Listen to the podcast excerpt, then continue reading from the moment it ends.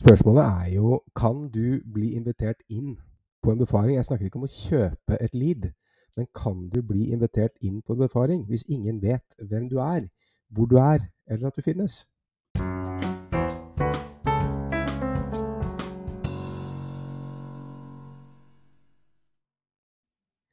God dag. Da er det jo bare å ønske velkommen til en ny episode med visningsterapi. Jeg er fortsatt Arvid. Jeg er fortsatt vert her i denne podkasten. Det vi skal gjøre i dag, vi skal snakke litt om, skal litt, snakke litt om markedsføring. Det er egentlig en salgsteknikk, men den er veldig, veldig relevant når det kommer til markedsføring. Og det vil si at hvis du gjør det på Wikipedia, så tror jeg nok du får, får, får at det er en marketingteknikk. Men har, det handler veldig mye om det vi jobber med i markedsføring, som er dette med å komme oss inn på befaring. Komme oss inn til kundene hele tiden. Vi har også et intervju i dag. Eller intervju er vel kanskje feil å si. Vi skal ikke bli kjent med en person, men vi skal lære en del om, om hva som er viktig når vi skal hente inn nye kollegaer til kontoret. Det vi da spesielt skal se på, er liksom hva, hva et kontor kan gjøre for å forberede seg og, og være god være en attraktiv arbeidsgiver og sørge for at de som kommer inn, faktisk kommer i gang. Feilrekrutteringer er fantastisk dyrt. Og så har vi en liten, liten runde på slutten hvor vi snakker om, om, litt sånn spørsmål og svar. Jeg hadde egentlig tenkt ja, Vi kan ta litt sånn dagens tema først. Nå, det skjer jo veldig mye internasjonalt i, i eiendomsmegling. Og i Norge så har vi jo nå i noen, noen år har forsøkt å å lage et, et kjøpetilbud, altså hvor man får kjøperådgivning til eiendomsmeglerkunder. Det har nettopp blitt en kjempekonflikt i USA, hvor, hvor, hvor rettssystemet nå har konkludert med at Og der, der har det vært lovpålagt da, å ha det. Nå er det ikke lovpålagt i det hele tatt. Det er til og med tvert imot sånn at du kan velge å betale bare til en selgende eiendomsmegler. Så det blir jo spennende å se hvordan det går. Tilbake til dagens tema. Altså det viktigste temaet i dag, eller det viktigste kommer an på, på hva du syns, du som hører på. Vi skal snakke om noe som heter AIDA. Og AIDA er en markedsføringsmodell som på en måte sier at det finnes en rekkefølge for hvordan vi skal klare å få oppmerksomheten og komme oss inn til en potensiell boligselger.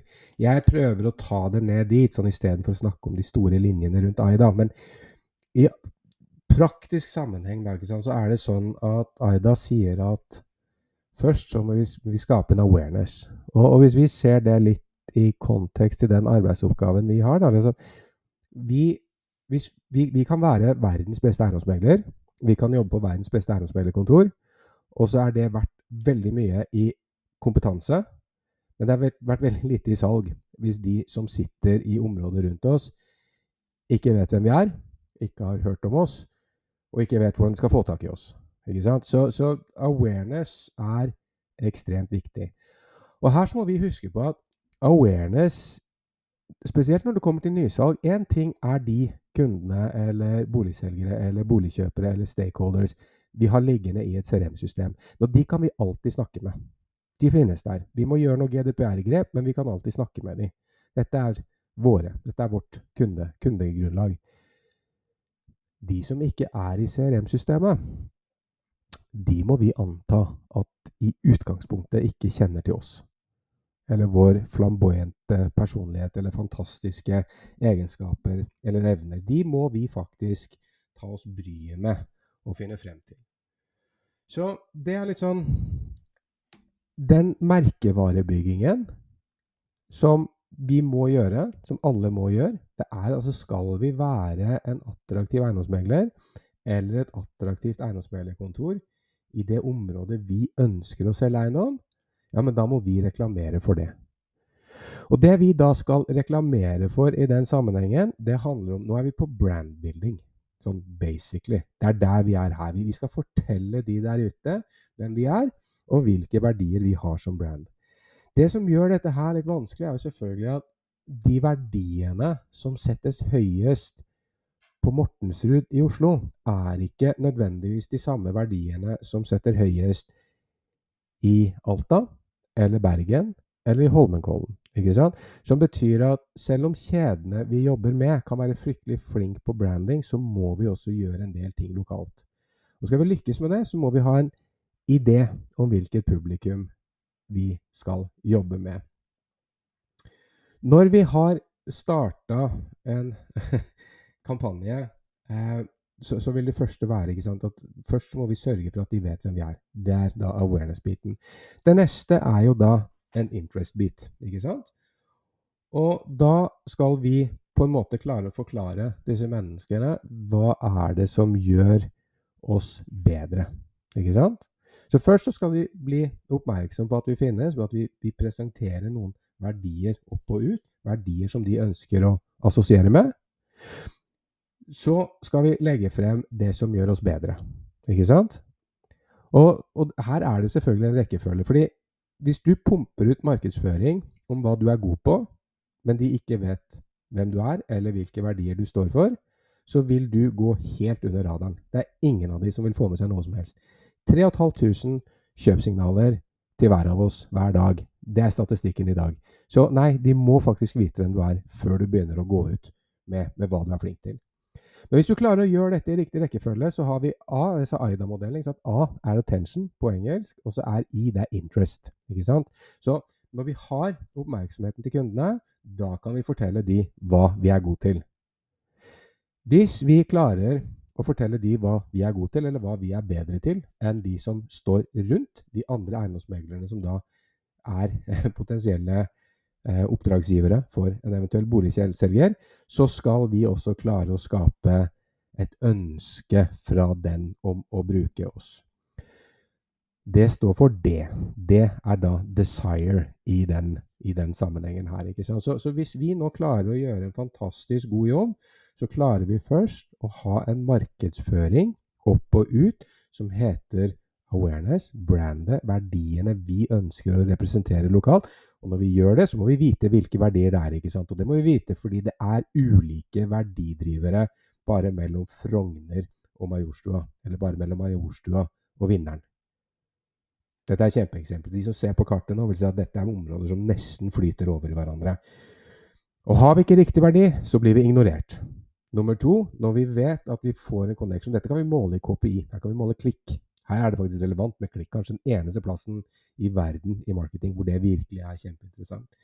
Når vi har klart det, så kan vi putte på med, med hva er det som gjør oss bedre, sånn helt konkret. Og det bør jo da selvfølgelig korrelere med verdigrunnlaget. At de to henger sånn noenlunde sammen. Vi er bedre på de tingene som virkelig føles og oppleves som verdifullt for kundene, eller for boligselgerne, eller boligkjøperne, eller de andre interessentene som er i området. For Hvis vi gjør det riktig, så vil de nødvendigvis også da kunne ha et ønske om å foretrekke oss. Ikke sant? Og da begynner det å bli interessant. fordi hvis vi klarer å skape en, eh, en, en Hvis vi har et brand som kundene ønsker å assosieres med, og vi klarer å få frem de tingene vi er bedre på enn konkurrentene, og de da får et ønske om å komme til oss og jobbe sammen med oss, da kan vi også faktisk forvente at de tar action, som er siste A-en. ikke sant? A-I-D-A. Attention, interest, desire og action. Og den action vil jo da nødvendigvis være å invitere oss på befaring. Så Aida er definitivt en, eh, en modell som alle meglerkontorer må kunne. De fleste eiendomsmeglere bør kunne. Realiteten er at hvis du er flink her, så vil du være i en posisjon hvor du vil bli invitert på veldig mange befaringer. Du vil være den eiendomsmegleren, eller dere vil være det kontoret som inviteres inn der de andre har sine nettverk. ikke sant? Altså det, det, kan være de som skal selge eiendom for tredje gang, og som alltid har brukt en bestemt kjede, men de vil ha med seg en eller to til for å se. De kommer fra Aida. De kommer alltid fra Aida. Og så er det sånn at hvis dere er veldig gode her, i det området som dere skal være i, og dere klarer å få dette frem til det, det publikummet som er der, så vil langt flere velge dere enn å gå på sånne lead-tjenester hvor de registrerer seg, så får de tilbud fra seks-syv meglere i slengen. Så Aida er ikke noe som gir deg salgsoppdrag, men det er definitivt noe som er med på å bygge pipeline over tid. Eh, dere vil finne alle de kursene som er relevant for Aida på LF Learning, for de som ønsker det. Hvis ikke, så Jeg skal ikke si at det er vanskelig, jeg skal ikke si at det er enkelt. Uh, det er en konkurranse der ute. Det er veldig mange kjøpsignaler hele tiden. Du må klare å bryte gjennom de. Du må ha en idé om hvordan du skal virkelig få frem og tydeliggjøre hva, hva er det som er din verdi. Og den, den, verdien den må nødvendigvis korrelere med de som skal oppfatte det som en positiv verdi. Men så frem du klarer å få til de tingene der, eller får det til på kontornivå, så er det kjempebra. Men dere kan ikke, som jeg også har sagt, og dere kan, kan ikke stresse dette nok, dere kan ikke hvile dere på kjeden. Kjeden skal gjøre sin marketing og sette noen grunnsteiner, noen grunnpilarer på verdidrivere ut i markedet. Men igjen, den må customizes og tilpasses et lokalt nivå. Hvis ikke så vil den nødvendigvis falle sammen, eller falle mellom flere stoler. Og jeg sier ikke at Det handler ikke om å være god eller dårlig. Det er, det er ikke det som er poenget. Poenget er at når det er 3500 kjøpesignaler der ute, så må vi nødvendigvis treffe ganske tight, hvis det skal huskes. Det at vi er eh, mot barnearbeid, det er en selvfølge. Det er ikke den typen verdier vi snakker om. Det må være noe som resonnerer veldig, veldig, veldig lokalt. Da ønsker jeg alle lykke til med det, og så skal vi gå over til vårt eh, neste, neste, del av programmet. Det blir en liten intro imellom, og så kjører vi på med et intervju. Ikke intervju, men en samtale. Den er god. Ok.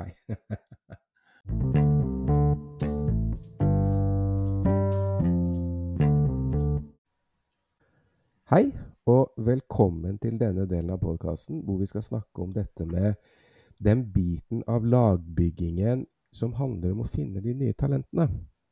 For det er jo sånn at når du skal være et bra meglerkontor, eller du skal ha gode kollegaer, så er det et poeng å finne de som passer inn, og de som komplementerer laget.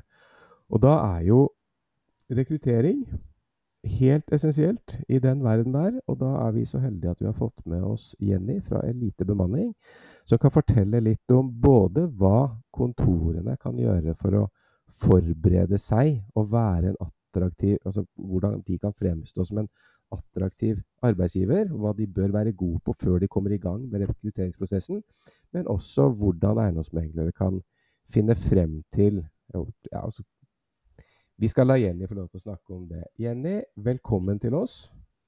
Hei, Arvid. Eh, takk for sist. Eh, ja, eh, nå, jeg kommer fra litt bemanning og rekruttering, okay. Eh, så jeg eh, ønsker å bidra da med min eh, erfaring, i hvert fall, som jeg sitter inne med. ja, men det er fint. Det er fint.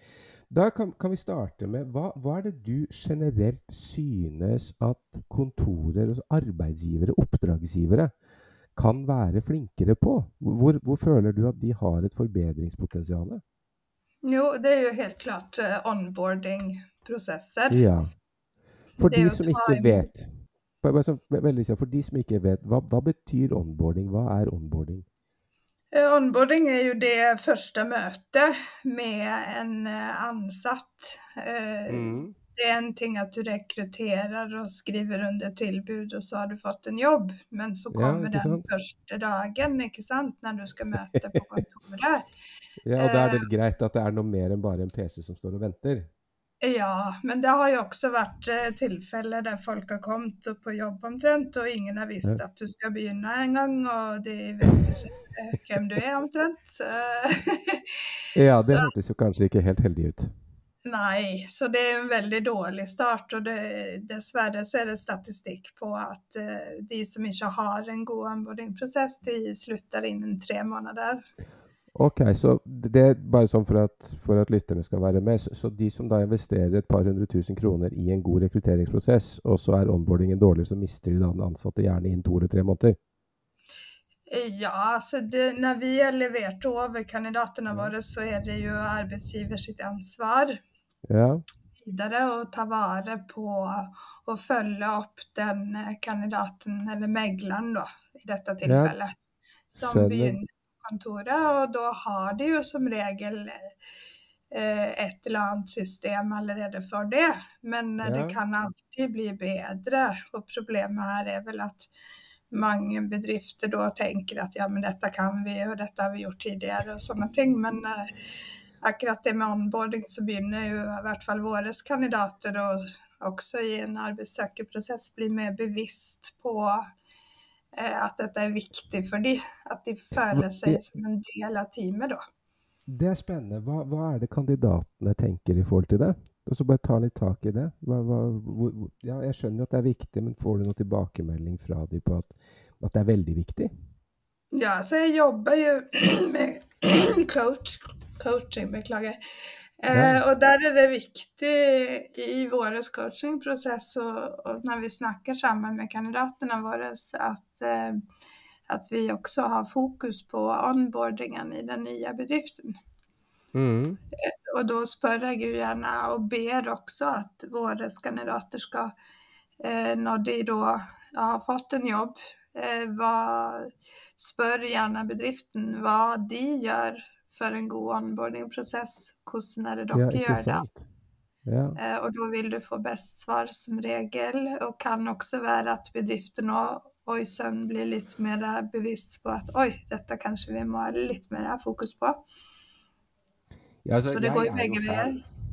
Jeg er jo fan, det vet man jo. Jeg, jeg, dette er jo en, en, av mine kjepphester. Jeg mener jo at du Altså, all, all, alle som skal bli god til noe, må, må, må, må, klargjøres for en rolle, og så må de trenes opp til å bli god på den rollen. Så det du sier, er vel litt det at onboarding er noe som, som bør være ganske, ganske fronten senter for en bedrift som ønsker å få mest mulig ut av sine nyansatte?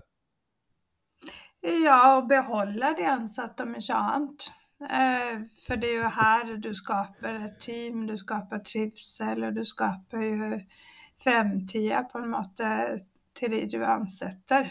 Så det er jo alfa og omega, den onboarding-prosessen, da. Det der er kjempespennende. Så ok, så, så da, da, konkluderer vi i hvert fall med at hvis det er én ting som alle daglige ledere som hører oss i dag, bør gjøre, så er det å sette seg ned og få en god plan på onboarding som nummer én. Ja.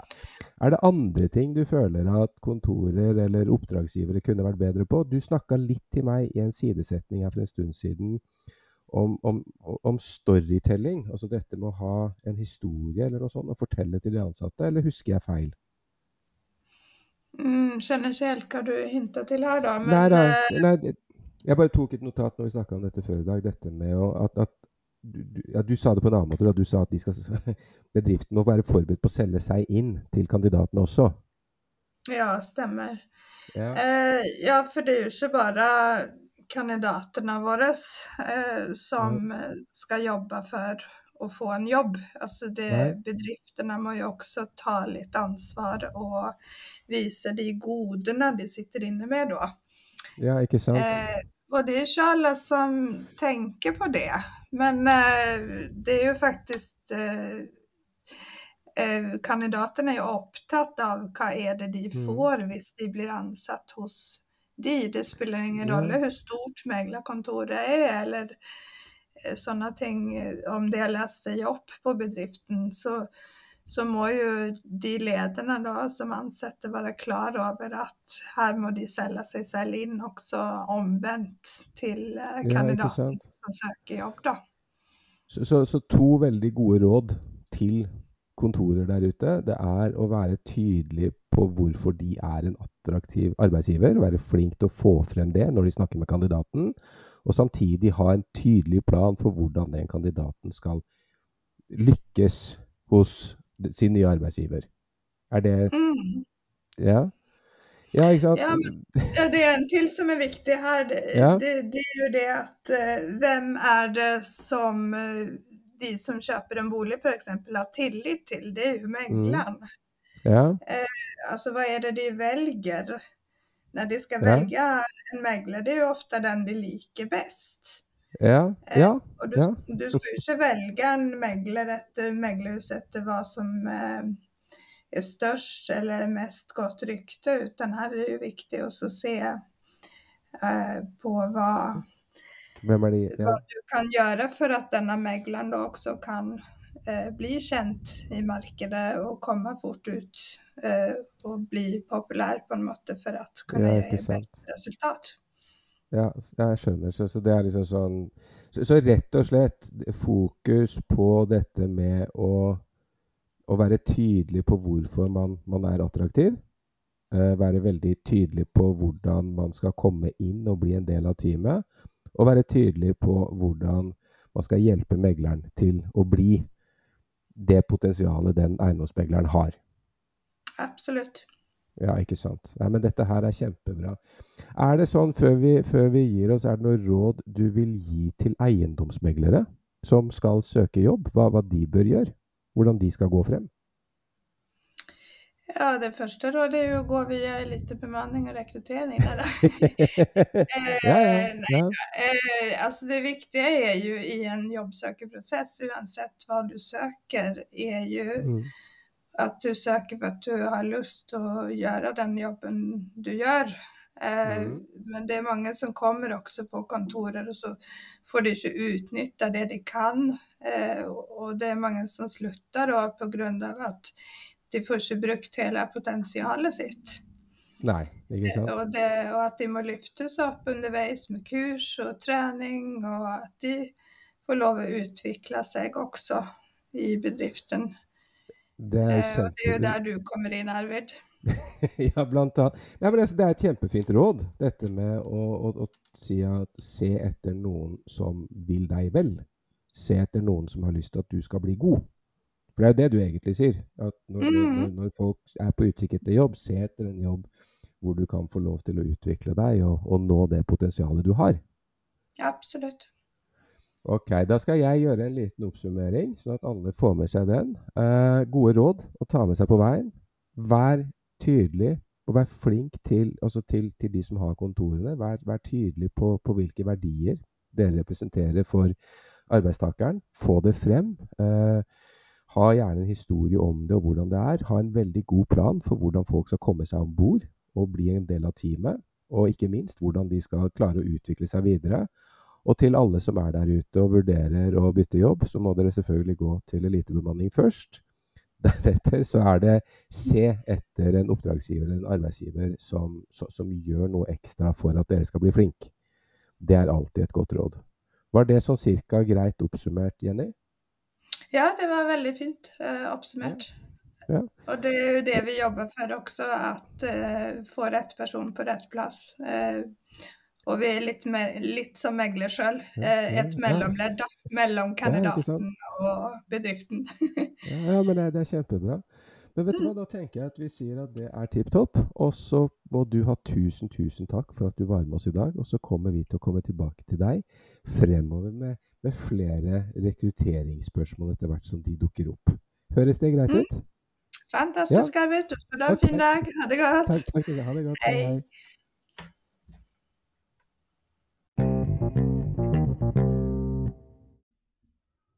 Skal vi se, da var vi på, på en liten sånn spørsmål og svar. Eh, et av de spørsmålene som går igjen det, og, altså Spørsmål og spørsmål kommer litt an på. Det er veldig mange som tenker at læring og utdanning og trening er noe organisasjonen er i stand til å gjøre selv.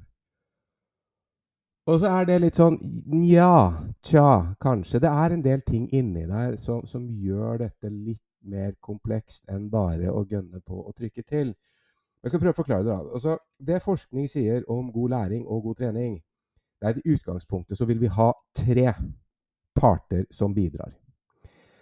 Du vil ha den som skal lære seg noe, altså den, den sånn problemeieren, da, altså den som på en måte skal bli bedre til noe. Og så vil du ha det du kaller en eh, fasilitator eller en eh, pådriver. Og så vil du ha en ledelse. Og så skal jeg prøve å forklare litt hvor, hvorfor er det sånn. Hvorfor skal du ha denne pådriveren som er ekstern? Men tenk nå, la, la oss si at dette var en familie, da. ikke sant? Med mor, far og barn. Da er barnet den som skal lære, som skal bli flinkere. Det kan være fotballtrening på ettermiddag eller skole på dagtid.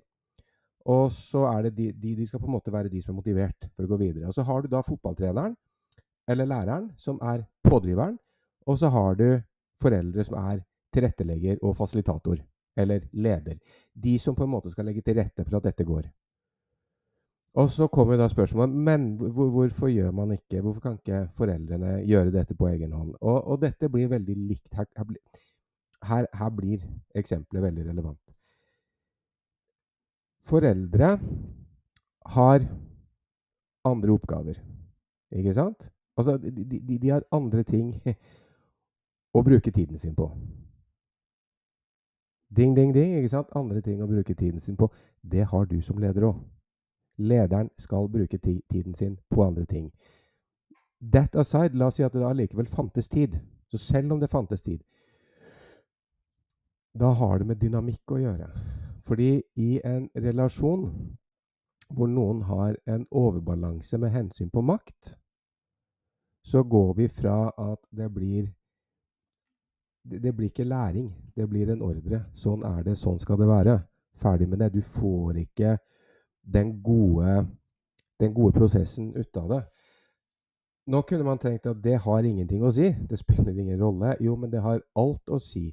Fordi hvis læringen oppleves som påtvunget og ovenfra og ned, så, så, så vil du få praktisk læring. Folk vil skjønne det som sies, også fra foreldre. Men i all hovedsak så endrer ikke det atferden. Ikke sant?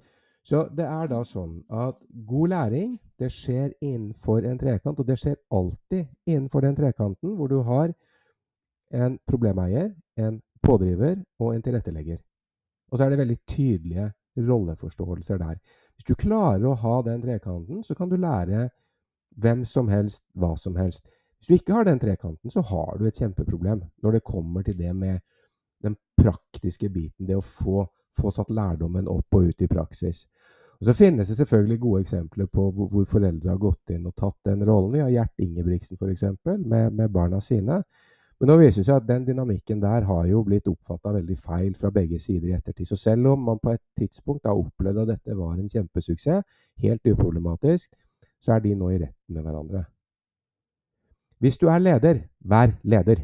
Ha den rollen og ta de oppgavene som ligger til det. Finn noen andre som er med på å gjøre treningen og utviklingen. Det er et fantastisk godt råd. Ta det og bruk det.